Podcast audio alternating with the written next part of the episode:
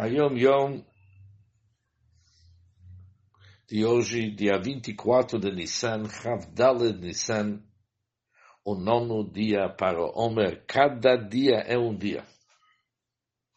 É costume não pronunciar a bênção de Shechianu durante os dias de Sefirat HaOmer.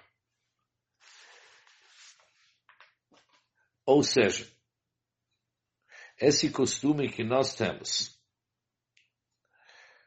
de não fazer a brachá de Shechianu de Sefirat HaOmer não se encontra no Shulchan Aruch é um costume do Chabad. Não se encontra no Shulchan Aruch numa audiência particular do nosso Rebbe com os rabinos-chefes da Terra Santa, conversaram sobre esse assunto e o Rebbe falou as seguintes palavras. No Chabad é o costume que durante Sfirat HaOmer não se faz shechiano sobre uma nova fruta, além do Shabbat que sim se faz, e obviamente no dia do Lag BaOmer. Mas, diz o Rebbe, aqueles que sim têm o costume de fazer o Shechianu durante a época de Sfirata Omer, com certeza, não é para impedi-los. Que, já que isso é o costume deles, é o contrário, para eles continuar e fazer o costume deles de se fazer a brachá. Mas o nosso costume não é para fazer Shechianu. Depois vem o segundo assunto da Yom Yom, voltamos para Yom Yom, que diz o seguinte, todos possuímos um elemento não bom. No entanto, até mesmo o bode expiatório, que representa o mal, era mandado e era mandado para Zazel. Também era considerado uma avodá, um serviço sagrado divino feito no Betamigdash.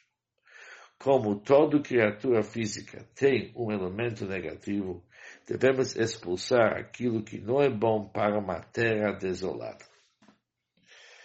A ideia do Hayom Yom aparentemente é que uma pessoa não deve sentir vergonha como o trabalho que cada um de nós deve realizar de expulsar o ruim que está dentro de nós para uma terra desolada.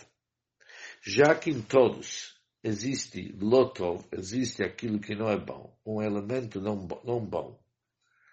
Devemos saber que isso não é apenas um trabalho, é um trabalho melechet kodesh, um trabalho divino, sagrado, que também existia no Bet HaMikdash. Por isso, cabe a cada um de nós se dedicar com esse trabalho, expulsar o ruim que está dentro de nós para uma terra desolada e se livrar dela. E saber que isso não é só melacha, não é apenas um trabalho, é melacha de Kodesh, é um trabalho sagrado. Por isso, até olhando na explicação aqui do Ayom Yom, não é para sentir vergonha.